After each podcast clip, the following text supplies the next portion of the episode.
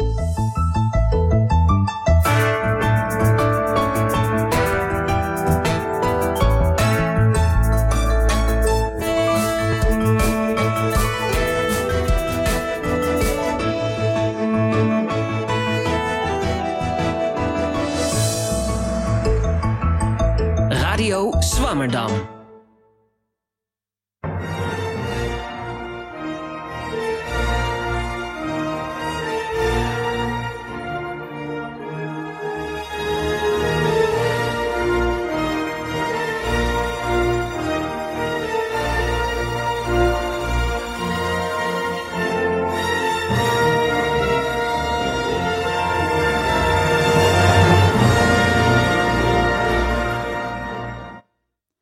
Jullie herkennen het misschien al, de intro theme song van Jurassic Park. Vandaag gaan we het hebben over science fiction, of eigenlijk de grens tussen science en science fiction. En vandaar dat ik uh, wilde openen met een quote van Dr. Malcolm uit Jurassic Park. You see, the problem is, your scientists were so preoccupied with whether they could, that they didn't stop to think if they should.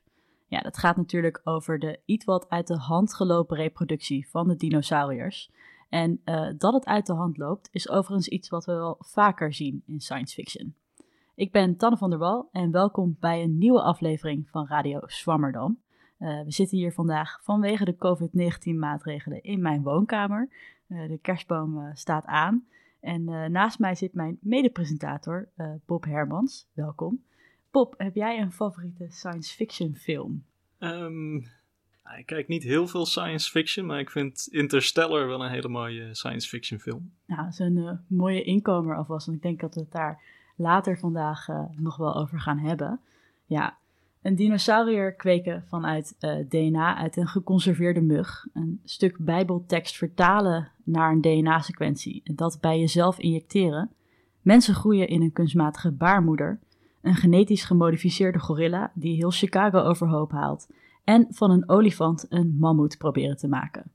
Sommige van deze genoemde scenario's komen inderdaad recht uit een science fiction film, maar andere zijn realiteit of zijn hard op weg dat te worden. Uh, science en science fiction hebben een interessante relatie tot elkaar. Het kan enthousiast maken voor nieuwe technologieën. Het helpt ons na te denken over een potentieel toekomstbeeld, maar het kan soms ook beangstigend werken. En laten we eerlijk zijn, dat is soms ook gewoon wat we willen. Uh, Jurassic Park was lang niet zo spannend geweest om naar te kijken als het uh, de wetenschappers vanwege wetten rondom het gebruik van genetisch materiaal waren gestopt bij de mug. Uh, vandaar dat we het vandaag gaan hebben over het grensvlak tussen de wetenschap en science fiction en hoe we het debat rondom sommige van deze onderwerpen het beste kunnen voeren. aan mijn keukentafel zitten daarvoor Joyce Nabuurs, bioethicus aan de Vrije Universiteit van Amsterdam Joyce, jij bent gespecialiseerd in het gebruik van uh, speculative design om het debat over dit soort toekomstige technologieën te voeren. Daar gaan we het zo meer over hebben. Uh, ook aan tafel zit Daisy van der Sande. Zij is directeur van het internationale Science Film Festival in Science en filmwetenschapper. Uh, welkom allebei. De techniek die ligt vandaag in handen van Henok Tespai en aan het eind van deze aflevering zullen we luisteren naar een column door René van Amerongen. Joyce, ik uh, wilde bij jou graag beginnen. Um, ja, ik noemde het net al even kort in de inleiding. Mensen groeien in kunstmatige baarmoeders. Jij bent bioethicus aan de VU en je houdt je bezig met dit onderwerp uh, en met speculative design. Ja, klopt. Ja, en eigenlijk kijk je dus hoe we kunnen gebruiken het speculative design om de publieke opinie te peilen. Uh, ja, en uh, niet alleen maar peilen, maar eigenlijk uh, kunnen stimuleren om mensen daarover na te denken. Het is niet zo alsof we met speculatief ontwerpen of speculatief design, denk ik, kunnen ophalen wat mensen denken. Maar we zijn ze actief aan het stimuleren en we geven ze van allerlei toekomstscenario's om hun mening te vormen. Ja, dus het is eigenlijk ja, een goede stimulans. En, en daarvoor gebruik jij als voorbeeld de kunstmatige baarmoeder. Ja, nou, dat is onderwerp, ja. We willen eigenlijk eerst even luisteren dan naar een stukje van Omroep Brabant, wat jij mij eerder doorstuurde. En uh, dat werd gemaakt naar aanleiding van de Dutch Design Week vorig jaar, waarin een voorbeeld tentoongesteld werd van hoe zo'n kunstmatige baarmoeder eruit zou kunnen zien. Uh, aan het woord horen onder andere professor Guit Ooi. Hij is gynaecoloog aan het Prinses Maxima ziekenhuis en houdt zich bezig met dit onderzoek. En dat doet hij in samenwerking met professor Frans van der Vossen en professor Lou Vijs van de Technische Universiteit Eindhoven. Uh, laten we eerst even luisteren. Zo zien we het nu altijd. Een kind dat te vroeg geboren wordt, gaat in een couveuse. En het grote probleem is dat hij dan lucht moet gaan ademen. Dus dat er zuurstof in de longen komt. En die longetjes die zijn nog helemaal niet rijp. En dan gaan de longblaasjes gaan kapot. En ja, dat is eigenlijk een groot probleem. Want dan houden ze hun leven lang vaak longproblemen over. Een kunstbaarmoeder zou een oplossing zijn. Op de Dutch Design Week hangt dit voorbeeld van hoe het eruit kan zien. Het kindje groeit in deze bollen. Er zit uh, vloeistof gaat in en uit, uh, bloedstoevoer, uh, voedsel moet in dat bloed komen. Dat zijn eigenlijk de belangrijkste circulaties. Het moet lijken alsof het kindje in de natuurlijke omgeving zit. Dat een kindje eigenlijk dus in die vloeistof ligt, net zoals alsof hij in de baarmoeder ligt. Tegelijkertijd krijgt hij toch zuurstof via die navelstreng. Die navelstreng is aangesloten op die longmachine. En tegelijkertijd kun je ook nog eens in de vloeistof, als dat nodig is, wat extra medicijnen toevoegen. Bijvoorbeeld antibiotica, als er sprake zou zijn van een infectie. Dan kunnen die kindjes vier weken langer, misschien nog wel langer zelfs, blijven doorrijpen. En als je dan uiteindelijk lucht in de longetjes laat komen, dan is er heel weinig aan de hand. Er zijn al succesvolle experimenten geweest met lammetjes. Ze bleven doorgroeien in de kunstbaarmoeder en ze overleefden het. Hoe groot zijn de overlevingskansen met een kunstbaarmoeder? Ja, zoals gezegd, nu overleeft maar de helft. Maar als we dit uh, zouden kunnen bereiken, dan overleven ze allemaal. Wel baanbrekend dus. Dat zou zeker baanbrekend zijn. Het zet eigenlijk alles op zijn kop. Ja, um, we hoorden het aan het eind al met een uh, iets wat onheilspellend uh, muziekje. Ik moest daar een beetje om lachen de eerste keer dat ik dit hoorde. Maar baanbrekend onderzoek wordt het genoemd. Uh, Joyce, ja. ik wil je eigenlijk eerst vragen om uit te leggen ja, wat speculative design is. Want jij gebruikt dat dus om onderwerpen zoals deze kunstmatige baarmoeder ter sprake te brengen. Ja, kun je ja, uitleggen wat betekent die term eigenlijk? Ja, Um, nou, het zit hem eigenlijk al in, in, de, in de woorden zelf. Het is speculatief, dus je bent aan het speculeren met het uh, gebruik van uh, design, van ontwerp, uh, over hoe de toekomst eruit zou kunnen zien. En bij design denken we vaak aan een stoel of een tafel. Maar dit design gaat eigenlijk over, nou, als je het voorbeeld van een kunstmatige baarmoeder neemt, hoe zou zo'n kunstmatige baarmoeder eruit zien? maar ook wie zou er gebruik van mogen maken? Dus in het fragment wat je net hoorde, daar ging het eigenlijk over letterlijk hoe ziet die kunstmatige baarmoeder eruit. Maar we hadden ook exhibits die meer, dus nou, onderwerp in de tentoonstelling, waarbij het niet zozeer ging over hoe ziet nou die technische details van zo'n kunstmatige baarmoeder eruit, maar hoe ziet een landkaart van een land eruit in de toekomst die gebruik maakt van zulke technologie. Wat voor groepen mensen wonen dan op welk deel van het eiland en hoe ziet hun samenleving eruit? Wat zijn hun normen en waarde. Ehm, is zo'n kunstmatige baarmoeder een, iets wat je in het ziekenhuis neerzet, of is het draagbaar zodat een vader hem ook kan dragen? Dus ehm, wat we eigenlijk met dat speculatief ontwerp willen doen, is niet zozeer nadenken over hoe zitten nou die zuurstofstromen in elkaar, of die bloedstromen, hoe krijgt dat eh, kindje nu zijn of haar voedsel, maar hoe gaat zo'n nieuwe wetenschappelijke ontwikkelingen onze maatschappij veranderen? Ja, dus je bent eigenlijk bijna een soort science fiction film aan het uitdenken of eh, ja, een, een, wereld aan het uitdenken in de toekomst. Ja, en toen ik net zat na te denken, uh, toen dacht ik, waarom heet het dan eigenlijk geen science fiction design? uh, daar heb ik eigenlijk nog niet eerder over nagedacht, over die vraag. Nee, goede vraag. en toen dacht ik, nou ja, science fiction, ik denk, dat, ik denk dat je het eigenlijk zo ook zou kunnen noemen. Maar dat science fiction al een bepaald idee, ja, dat mensen al een bepaald idee hebben bij een science fiction. Omdat er natuurlijk een lange geschiedenis is in de film. Uh, en dat uh, speculative design iets anders is. dat ze, ze, leggen de nadruk op. Um, zou dit scenario zich echt kunnen voordoen? En dat proberen ontwerpers vaak, nou ja, in beeld te brengen door te zeggen: stel nou dat deze wetenschappelijke ontwikkeling, als die zich gaat ontwikkelen, kunnen we dan stap voor stap laten zien uh, dat zo'n maatschappij zich echt zou kunnen ontwikkelen? Of is het, is het realistisch om te denken dat het zo zou kunnen gaan? Ja, dat is natuurlijk een gray area, want uh, ja, maar goed, ik denk dat, dat daar de nuance in zit. Ja, er zit denk ik ook in feite natuurlijk iets ander een doel achter. Want ik denk dat het in die zin iets minder bedoeld is voor entertainment, wat natuurlijk wel deels een doel is van science fiction. Uh, en is het primaire ja. doel van speculative design dan inderdaad echt meer om te informeren? Uh, nee, dat zou ik niet per se zeggen. Tenminste, ik vind informeren wel uh, heel interessant gekozen woord. Want dat is wat men heel vaak denkt als je het hebt over wetenschapscommunicatie. Of als je het hebt over hoe vertellen we mensen nou iets over die wetenschap. Dan komt heel vaak het woord informeren naar boven. Uh, en daarbij denk je meteen, oké, okay, de wetenschap heeft al het antwoord. We moeten het alleen nog even vertellen aan de ja. mensen. En als ze dan tegenstribbelen, dan begrijpen ze het niet zo goed. Uh, dus dan moeten we het nog wat beter uitleggen en nog wat vaker. En dan komt dat wel. En, en dat is eigenlijk niet wat speculative design probeert te doen. Het is eigenlijk best wel een hele democratische uh, tool zou je kunnen zeggen. Want het zegt eigenlijk gewoon, stel nou dat dit zou gebeuren. En, zijn, en vaak het kan, zijn best wel provocerende scenario's, net als in science fiction. Mm-hmm. Waar helemaal niet iedereen blij van wordt. Uh, het probeert mensen ook te activeren en te zeggen, wat vind jij hier nou van? Juist niet ja, zo gaat het. Stimulerend, activerend. Stimulerend, dus. engagerend. En echt, uh, het probeert uh, mensen zelf na te laten denken en zelf een mening te laten vormen over hoe zij zouden willen dat een wetenschappelijke uh, ontwikkeling zou gaan zien. Ja, lijkt me heel mooi en uh, ja, nuttig. Um, ja, we hoorden dus net al een stukje over de kunstmatige baarmoeder. Uh, ik vraag me eigenlijk gewoon af, uh, waar komt die specialisatie vandaan? Waar, waar kwam het idee vandaan om dat nou als onderwerp te gebruiken? Ja, goede vraag. Ehm, twee jaar geleden is er onderzoek geweest in, even denken, volgens mij University. Nee, dan ga ik nu, dat moet ik uit mijn hoofd, ik kom, schiet me dat zo niet te binnen.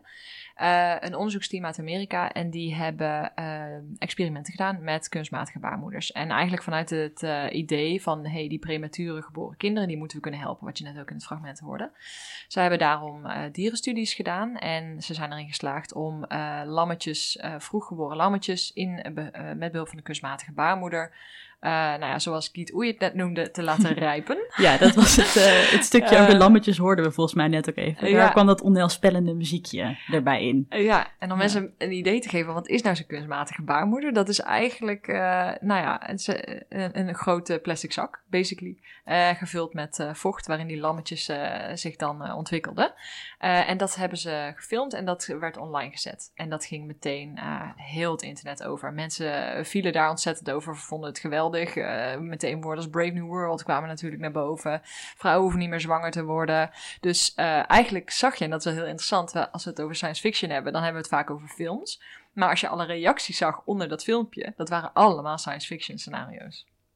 Uh, en dat was eigenlijk de aanleiding om, deze, om een tentoonstelling te starten over deze wetenschappelijke ontwikkeling en over welke kant we willen dat dat op gaat.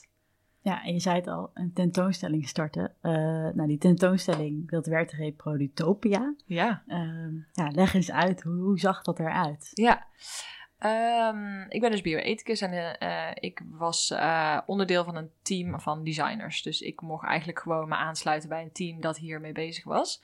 En um, samen hebben we een expositie gemaakt, een futuristische voortplantingskliniek. En want wat we eigenlijk zagen toen we dat, uh, die wereld van de kunstmatige baarmoeders indoken, is dat, da dat daar op dat gebied van voortplantingstechnologie van allerlei dingen bezig uh, aan de gang waren. Dus uh, nou, veel zullen ook gehoord hebben over de Chinese tweeling vorig jaar, die is geboren, die genetisch is gemanipuleerd. maar ook een, een, een kind met drie genetische ouders is geboren, ik geloof twee jaar geleden. Ehm, nou, IVF is natuurlijk al een hele oude techniek. Maar je ziet dus eigenlijk in dat veld van die voortplantingstechnologie dat er ontzettend veel gaande is. En um, nou, toen hebben we de, de meest baanbrekende eh, technologie eigenlijk uh, gedacht: wat, wat zijn nou de spannendste of de meest impactvolle technologieën? En, uh, en, en daar eigenlijk scenario's van gemaakt. Stel dat dit een werkelijkheid zou worden. Stel dat we met behulp van huidcellen daadwerkelijk zowel sperma als eicellen kunnen maken. Dat is een van die technologieën.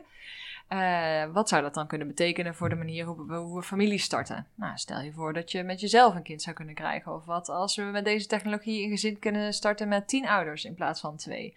Hoe ziet dat er dan uit? Hoe ziet kerst eruit? Bij welke ouder ga je kerst vieren? Hoe ziet een stamboom eruit? Is dat nog wel een stamboom of is het meer een, een, een, een fungus, een netwerk? Uh, hoeveel procent zou je ouder willen zijn van je kind? Nou goed, dat, dat zijn allemaal van die hele speculatieve scenario's die we in zo'n in zo'n kliniek hebben uitgedacht. Dus mensen kwamen eigenlijk eh, binnen en uh, ik was een van de uh, consultants die daar rondliep, uh, inclusief uh, witte jas en klapper.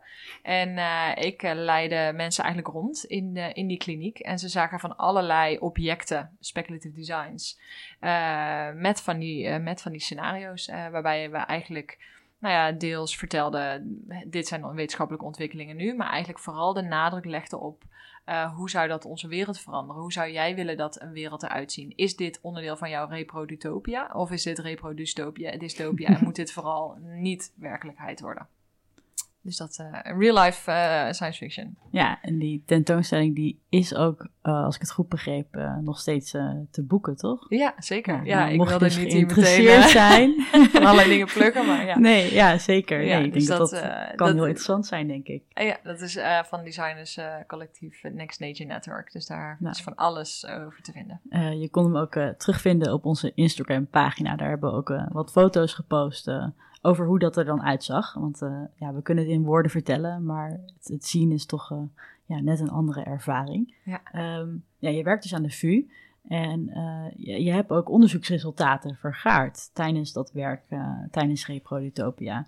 Eh, hoe, hoe ging dat dan in zijn werk? Hoe, hoe doe je wetenschappelijk onderzoek op zo'n tentoonstelling? Ja, Ehm, ik denk dat als mensen, nou ligt eraan wie de luisteraar is, maar eh, eh, denk aan wetenschappelijk onderzoek, dan denk je misschien eh, heel snel aan, eh, aan cijfers en eh, harde data. Ehm, ik doe onderzoek in de sociale wetenschappen. Eh, wat wil zeggen dat ik onderzoek hoe mensen nadenken over deze nieuwe technologieën. Eh, in, eh, door het analyseren van gesprekken die ik met ze heb. Dus we hebben van allerlei gesprekken met mensen gevoerd in die rondleiding. Ehm, en vervolgens hebben we gekeken wat, wat, wat zijn er patronen eigenlijk die steeds in die gesprekken terugkomen. Wat vinden mensen nou het meest belangrijk? Of wat vinden ze het meest beangstigend? Of wat, eh, op welke manier eh, denken zij na over die toekomst? Zit daar, zitten daar patronen in überhaupt? Eh, en op welke manier helpt nou zo'n speculatief design om mensen te helpen na te denken over die toekomst? Kun je al een tipje van de sluier oplichten? Ik weet dat ze nog niet gepubliceerd zijn, de Eh, ja. resultaten. Maar Ehm, ja, zeker. Ehm, wat eh, denk ik een heel belangrijke toevoeging is van speculative design, is dat het heel lastig is voor mm, iedereen, denk ik, om je in te beelden hoe een toekomst eruit ziet. Eh, dat is gewoon heel lastig. En daarom vinden mensen het, denk ik, vaak lastig om zich een beeld te vormen over: vind ik dit nou een positieve ontwikkeling of een negatieve ontwikkeling? En eh, ik denk dat het makkelijk, en dat zie je dus ook in die reacties al onder dat filmpje terug. Mensen grijpen eigenlijk terug op wat ze al aan beeldvorming tot zich hebben genomen. Dus ze kijken naar een filmpje, of ze, we kijken naar een filmpje van lammetjes in een zak en denken aan Brave New World. En ik denk de toegevoegde waarde van speculative design is dat het eh, mensen dus een beeld kan geven en handvatten om te zeggen dat wil ik wel en dat wil ik niet. Dus het, het, het geeft mensen eh, de tools, eh, denk ik, om, eh, nou ja, om zo'n toekomst voor zich te zien. Dat is het allerbelangrijkste en meest nou ja, duidelijke resultaat. En, ehm, maar wat daarmee samenhangt, wat ook wel spannend is, is het is allemaal speculatief wat wij presenteren. Dus ehm, in hoeverre ben je mensen nou echt aan het vertellen wat, wat, wat daadwerkelijk mogelijk is eh, met de wetenschap? Eh, of lopen ze weg met een heel verkeerd beeld van wat die wetenschap eigenlijk kan? Want dat wil je natuurlijk ook voorkomen. Eh, dus dat vond ik een heel spannende bevinding. Van hoe ga je nou om met die spanning?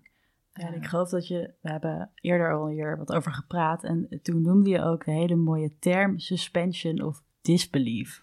Ja. Haakt dat daar dan eigenlijk een beetje op in? En kun je daar nog iets meer over vertellen? Zeker. En ik was afgelopen week, eh, keek ik de film Basic Instinct. Eh, dus echt al een hele oude film. En daar kwam die term ook eh, in terug. Dus ik dacht, oh wauw, ik denk nu dat ik iets baanbrekends heb gehoord. Maar Paul Verhoeven back then had het er ook over. Ja, suspension of disbelief. En dat wordt ook veel gebruikt in, ehm, in speculative design. Als term is dat een heel bekende, ja, een hele bekende term. Ehm, namelijk, ben je eigenlijk bereid om uh, zie je in dat het fictie is, maar ben je bereid om uh, mee te gaan in, in die fictie, om na te denken over real-life problems? Over gewoon uh, de wetenschappelijke ontwikkeling waar we mee te maken hebben. En dat was heel interessant om te zien hoe bezoekers van die fertiliteits, van die voortplantingskliniek daarmee omgingen. Omdat je kon eigenlijk grofweg drie groepen onderscheiden. Ehm, de eerste groep die had niet in de gaten dat het fictie was. Uh, en uh, dat is ook niet gek, want de installatie stond op de Dutch Design Week. En daar staan heel veel gewoon echte ontwerpen. Ja. We stonden op dezelfde afdeling als een Philips, die hun uh, toekomstbeeld presenteert.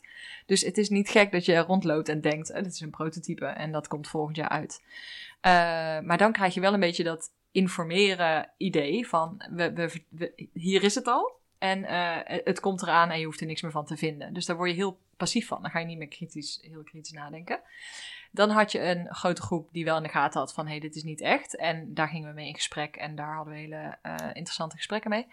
En je had ook een groep die hadden in de gaten dat het fictie was. En die waren daar heel erg gefrustreerd over. Dus die kwamen omdat ze een stuk in de Volkskrant hadden gelezen. Of bij De Wereld Draait Door. Of, uh, nou goed, ik weet niet welke bronnen allemaal.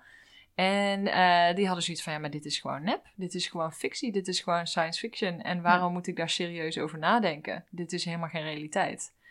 Uh, dus ik denk dat dat uh, die suspension of disbelief een heel belangrijk begrip is in...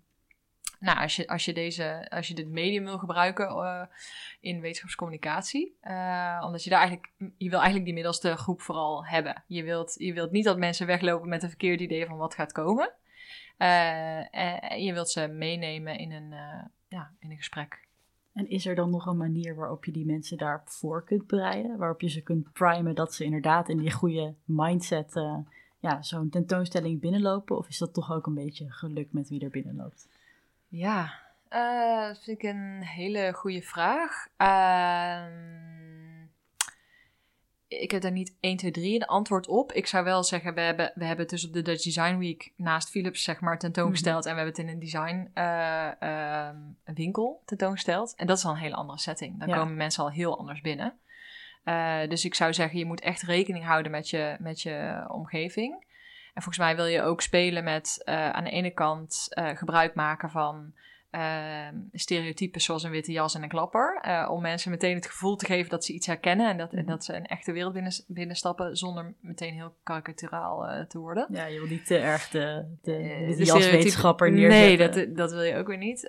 dus je wilt ze een beetje handvatten geven waardoor ze denken, hé, hey, hier, zit iets, hier zit iets in wat ik ken en dit is een echte wereld. Um, wat we zelf ook in de tentoonstelling hadden gedaan, was uh, een soort van indicator per designobject aangeven. Ik geloof een, uh, met een score van 1 tot 5, uh, waar, waarbij stond van hoe realistisch is het nu om te denken dat dit ooit echt werkelijkheid ah, ja. wordt. Ja. dus op zulke manieren. Ja, dat is denk ik wel een hele, hele duidelijke. Ja, kan het ook. Ja. ja. Nou, dan uh, om af te sluiten ben ik gewoon benieuwd. Uh, ja, je hebt je nu verdiept in uh, kunstmatige baarmoeders. Ja. Heb je nou een ander onderwerp waarvan je denkt, ja, daar wil ik de volgende tentoonstelling over maken? Um, nou, ik ben de laatste weken in de ban van GPT-3. Mm -hmm. Uh, artificial intelligence, wat uh, eigenlijk uh, creatief kan schrijven, net zoals mensen dat kunnen doen. Althans, dat is in ieder geval het doel. En ik, ik vind dat ontzettend interessant. Ook eng tegelijk. en en ja, want het gaat eigenlijk over wat maakt ons dan nog mens. En, en is dat belangrijk eigenlijk of zo? Dat wij een soort van bijzondere status hebben? Of maakt dat eigenlijk helemaal niet uit? En dus daar, daar zou ik me wel verder in willen verdiepen. Nou, kijk er naar uit. Ja. En ik ben benieuwd. En dan gaan we voor nu over uh, naar de tweede gast van vandaag, Daisy van der Sande. Uh, Daisy, ik noemde het in de introductie al. Uh, jij bent filmwetenschapper en Mhm. directeur van het InScience Filmfestival. Nou, het festival is helaas eh, net geweest. En ik, ik heb al dingen online meegekeken, want het was dit jaar online. Maar ik heb er erg van genoten. Dus ik kan het voor alle luisteraars zeker aanraden om volgend jaar daar ja, naar te kijken. Um, ja, ik wilde het er toch even kort over hebben, ook al is het net geweest. wat is het doel van het InScience Filmfestival? Nou, grappig genoeg sluit het festival heel erg aan bij wat jullie doen. Um, en wij discussiëren daar ook veel over. Um, je zou kunnen zeggen dat InScience een vorm is van wetenschapscommunicatie. Um, en uh, want we laten uh, mensen, we hebben een podium voor allerlei wetenschapsverhalen of verhalen over wetenschap. En met name doen we dat met film, dus mensen kunnen film zien.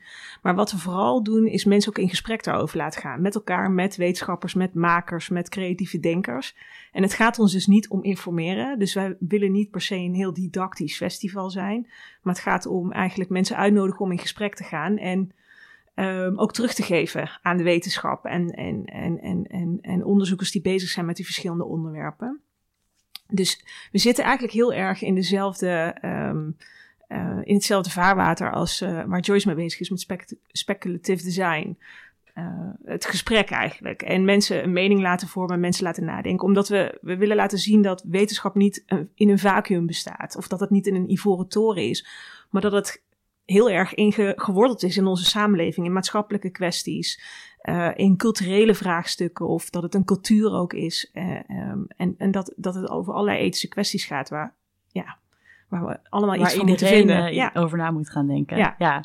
Nou, hartstikke mooi. Um, ja, je bent verder dus filmwetenschapper. Ja. Um, en uh, we hadden het, uh, toen we even aan het praten waren, hadden we het al over de relatie tussen film en wetenschap. En uh, jij vertelde toen dat die relatie eigenlijk al heel ver teruggaat. Ja. Um, ja helemaal aan het begin van helemaal wetenschap. aan het begin. Ja, ja. ja. nou ja, goed.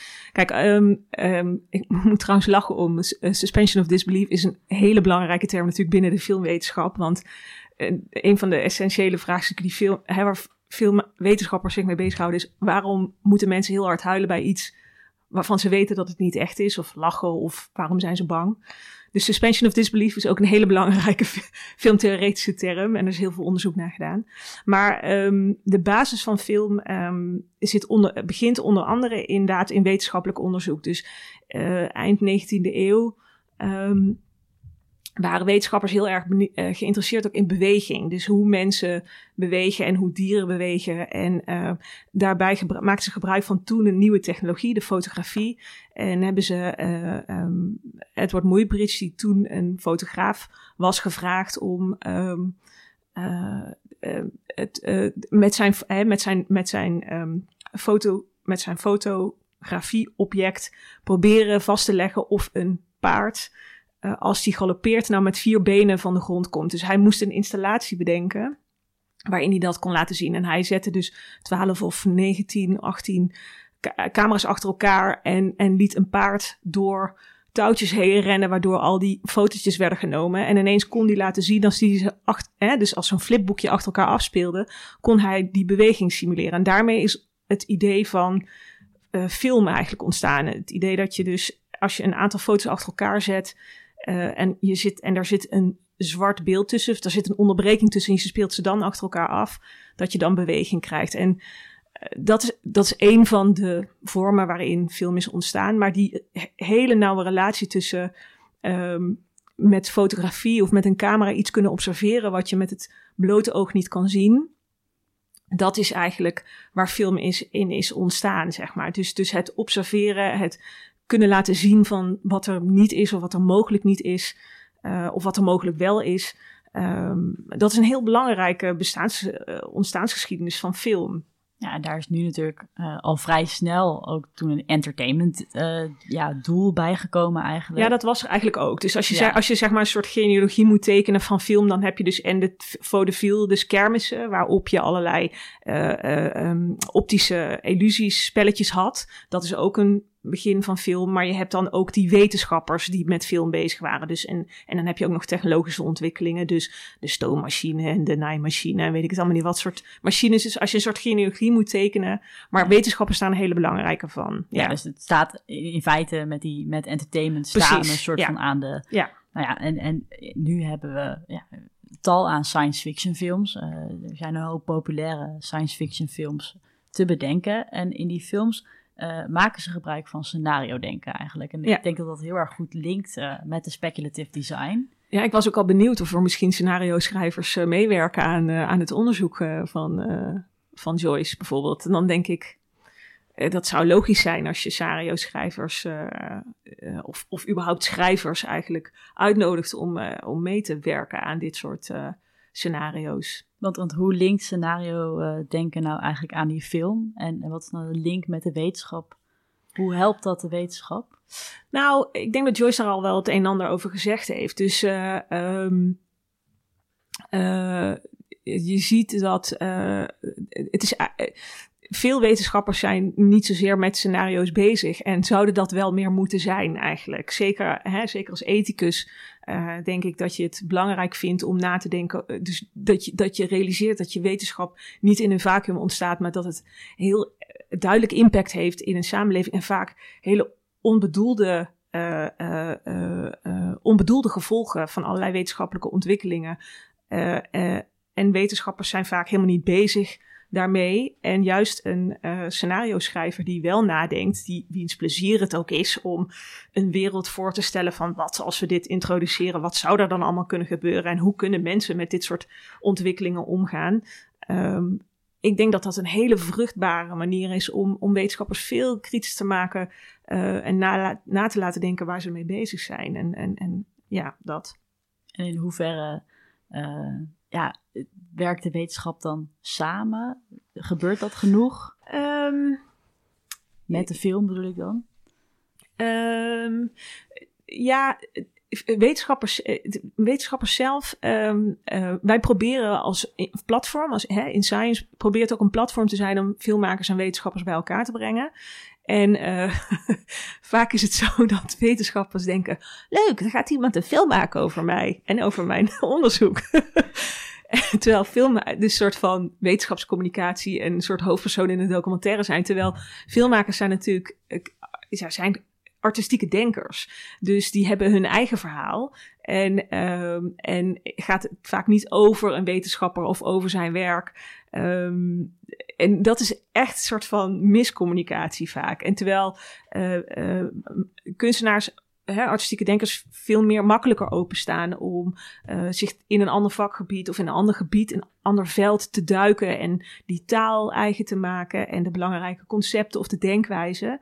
En dat is voor wetenschappers vaak wat moeilijker om zich open te stellen en hun eigen werk te laten informeren. Dus hun eigen onderzoek, hun onderzoeksvragen te laten informeren door een, door een, door een artistiek denker als een filmmaker. Ja, dat scenario denken dus ook eigenlijk toe te laten over jouw Ja. eigen... Ja. ja, ik herken het wel. Ik ben zelf wetenschapper. Ja. En als dat je eigen onderzoek is, dat is je babytje. Dus daar... Ja, Ja, ja. ik snap dat dat het En- wel lastig kan zijn. Ja, en daarom wordt er ook wel gezegd, dus eh, eh, door eh, makers ehm, en ook wetenschappers die wel met kunstenaars of met filmmakers werken, dat het juist, dat, dat moet je niet zeg maar halverwege of aan het, in het eindstadium van je onderzoek doen. Eigenlijk moet je dat soort mensen bij elkaar brengen aan het beginstadium van een onderzoek eigenlijk. En steeds met elkaar op laten lopen. En dan krijg je eigenlijk de meest vruchtbare uitwisseling.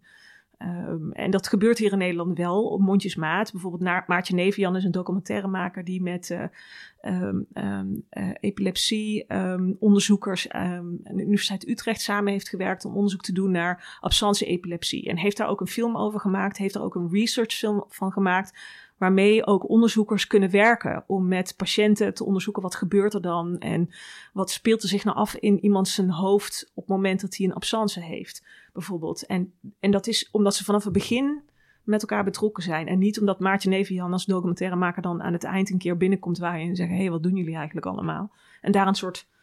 ja, een soort Precies. samenwerking. En Precies. eh, volgens mij een ander mooi voorbeeld daarvan, Bob, die noemde toevallig als zijn favoriete science fiction film, maar is Interstellar. Ja.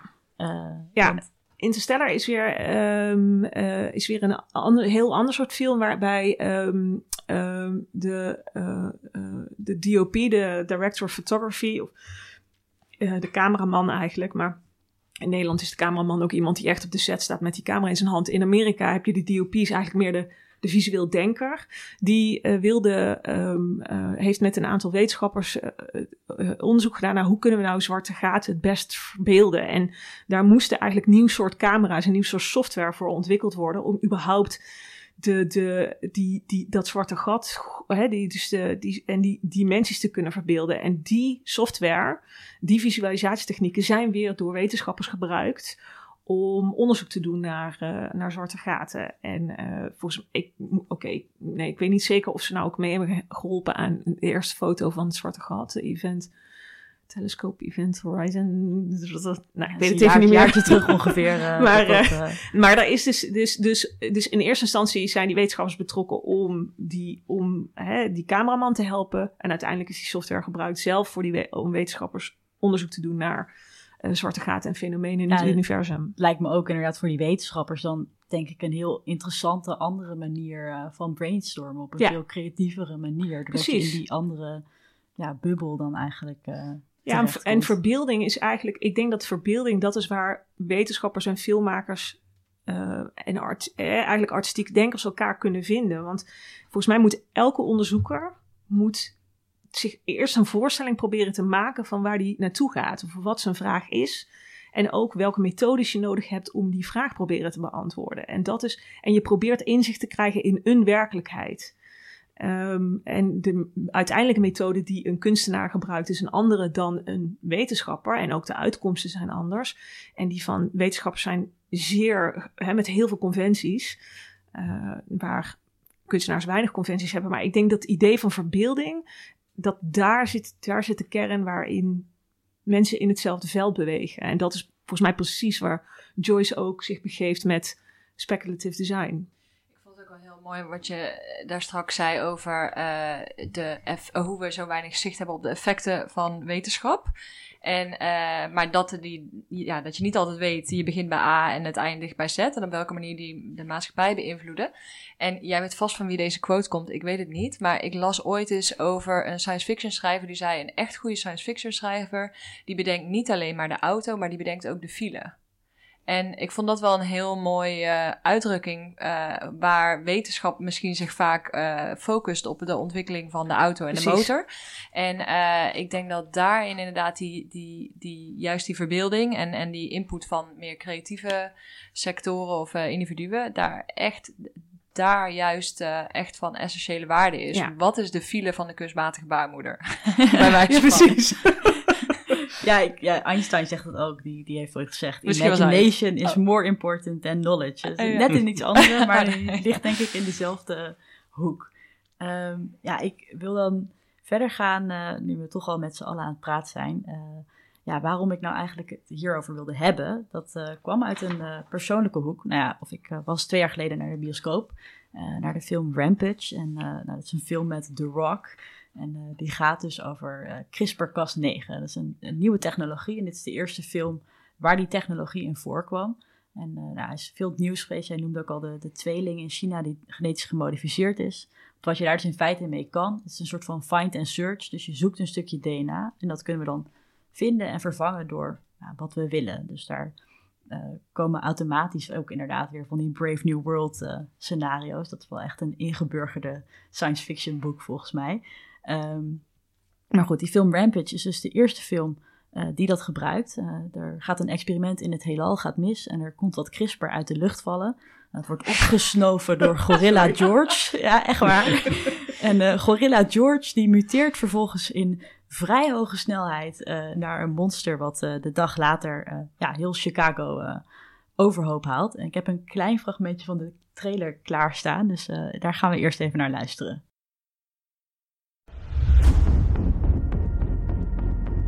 Last night. George was seven feet and weighed 500 pounds. This morning, he's nine feet, pushing a thousand. What's happening to my friend? Are you familiar with genetic editing? Changes will be incredibly unpredictable. Is he the only one? Oh, you didn't know about the 30 foot wolf?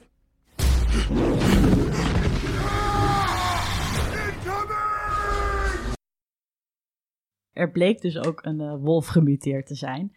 Uh, ja, uiteindelijk zelfs een soort Godzilla-krokodil komt erin voor. Het loopt helemaal uit de hand uh, in die film. Verder, verder van genoten overigens. Maar waar ik over na ging denken is, deze film start dus, en ik ben later nog het op gaan zoeken. Er is op het internet toen ook wel wat om te doen geweest vanuit de wetenschappelijke gemeenschap. hij start met een stuk tekst waarin ze uitleggen wat CRISPR-Cas is. En ja, geheel correct, weer een beetje documentaire stijl. En dan vervolgens uh, gaan ze er zo mee aan de slag en uh, loopt het zo uit de hand. En nou ja, nu kan ik eerlijk zeggen, we, zijn op dat punt zijn we totaal nog niet uh, van genetische modificatie.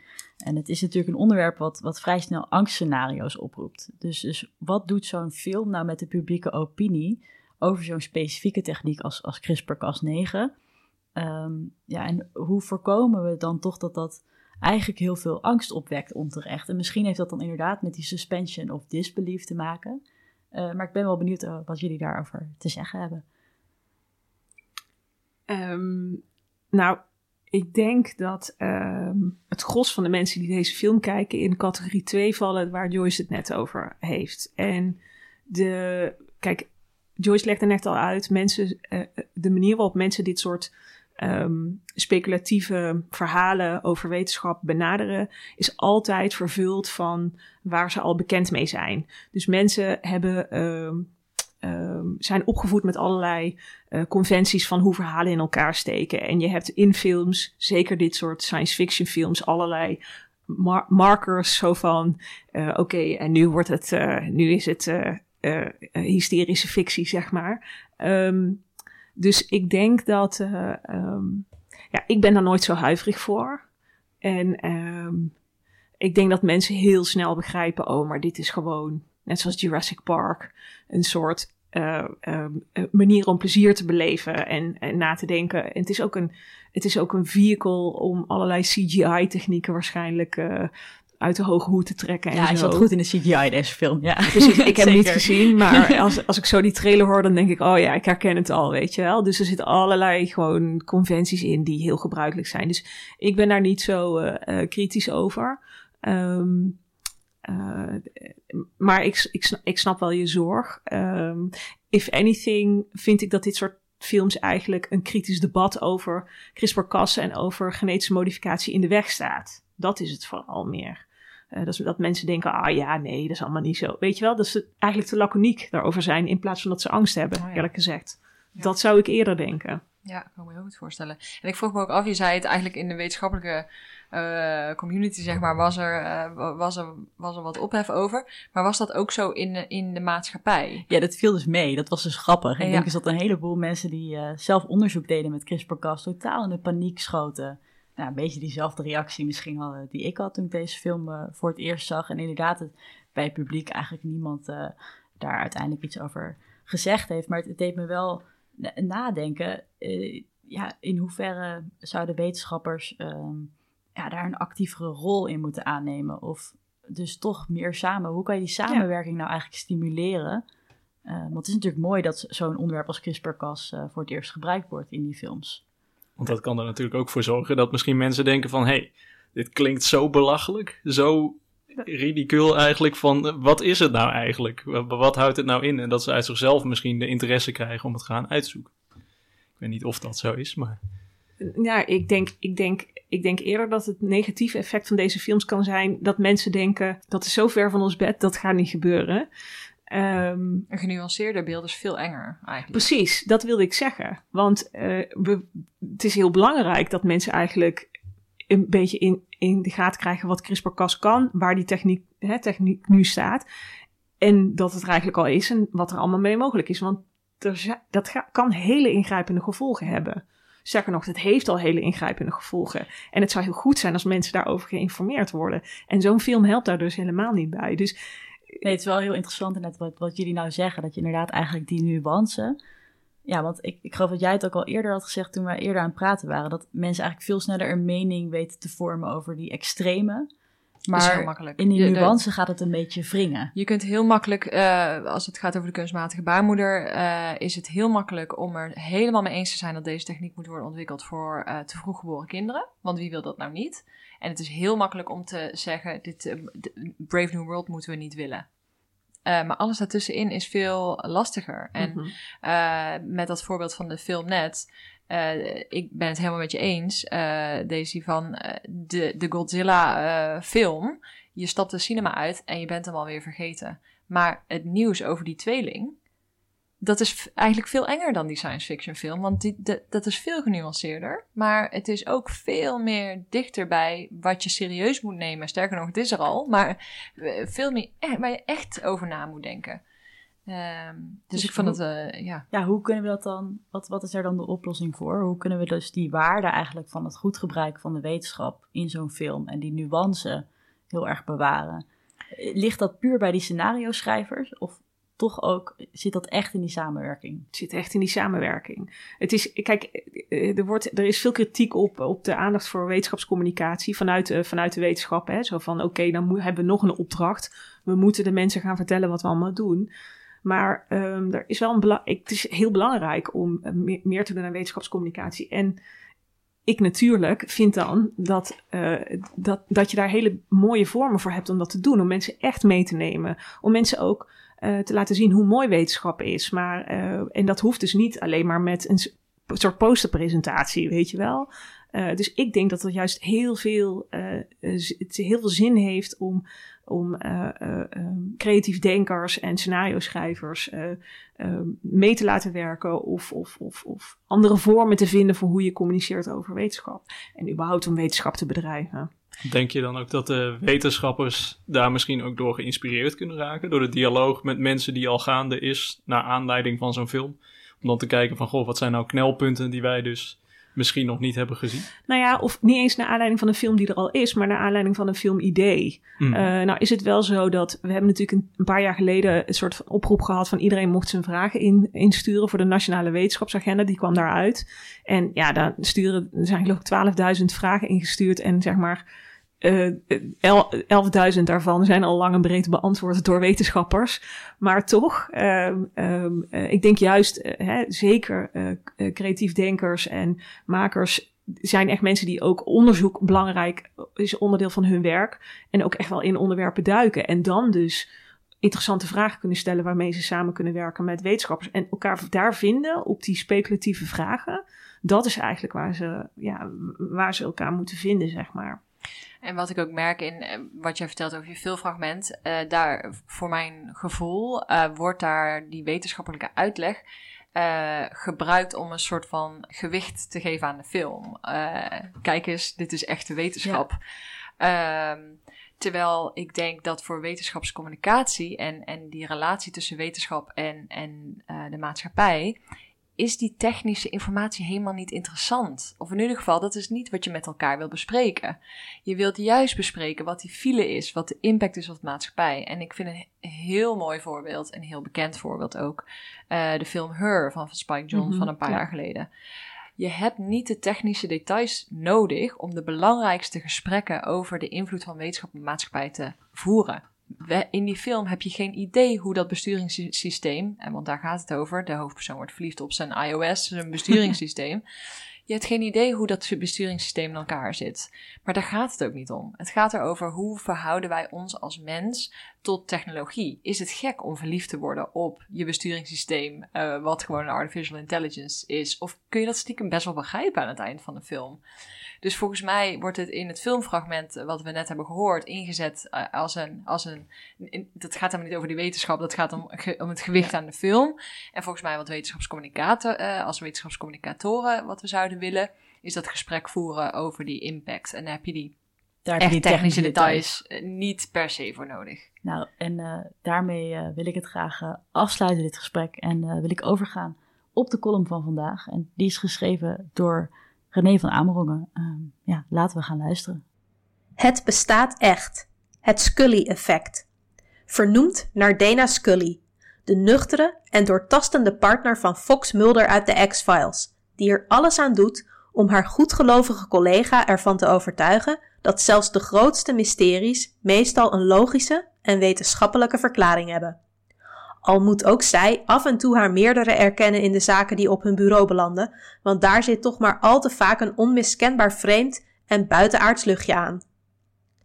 Het Scully-effect dus, verwijzend naar het fenomeen dat dit fictieve tv-karakter, FBI-agent Dana Scully, talloze meisjes heeft aangespoord om te kiezen voor een opleiding en carrière in zogenaamde STEM fields: Science, Technology, Engineering en Math. Vakgebieden waarin vrouwelijke rolmodellen schaars zijn als gevolg van een historische scheefgroei, resulterend in persistente overpopulatie door, jawel, daar is hij, de blanke cisgender man van middelbare tot babyboomer leeftijd. Mij heeft ze ongetwijfeld ook geïnspireerd, al kan ik me dat helaas niet actief herinneren.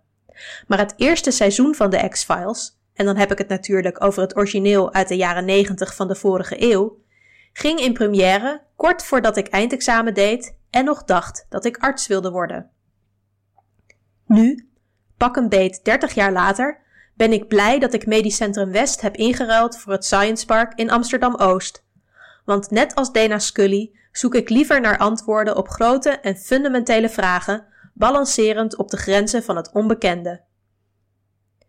Mijn favoriete X-Files aflevering, Redux, stamt uit 1997 en biedt tot op de dag van vandaag een van de meest accurate en voor de kenners onder ons tegelijkertijd hilarische kijkjes in de keuken bij een wetenschappelijk experiment. Waar men in fictieve setting nog wel eens wil pipeteren zonder puntjes, een doodzonde in het lab, of de pipet ter hand neemt als ware het een injectiespuit. Er bestaat zelfs een blog waarop dit soort misstappen verzameld wordt. Ik zou zeggen, breng eens een bezoekje aan de That's Not How You Pipette Tumblr. Volgt Dana Scully een vrij natuurgetrouw protocol voor een zogenaamde Southern Blot. Ik zou hier tot in detail kunnen uitleggen waar ik het precies over heb, maar de ontwikkelingen in de moleculaire biologie gaan snel. En ik behoor inmiddels tot een uitstervende generatie die dit experimentele huzarenstukje nog in de vingers heeft. Kort samengevat, komt het erop neer dat je met een Southern Blot een specifieke DNA-sequentie kunt detecteren in een complex mengsel. Scully gebruikt hem, hoe kan het ook anders, om aan te tonen dat ze geïnfecteerd is geraakt met vreemd viraal DNA van onbekende oorsprong. Wie denkt dat hij of zij nu lang moet wachten op de uitslag van een PCR-test, heeft nog nooit in quarantaine gezeten voor de duur van een Southern Blot-experiment. Afhankelijk van de DNA-sequentie die je wilt aantonen en de kwaliteit van het radioactief gelabelde DNA-fragment waarmee je dat daadwerkelijk doet, de zogenaamde probe, duurt het ettelijke weken voordat je genoeg signaal hebt om de proef te kunnen interpreteren.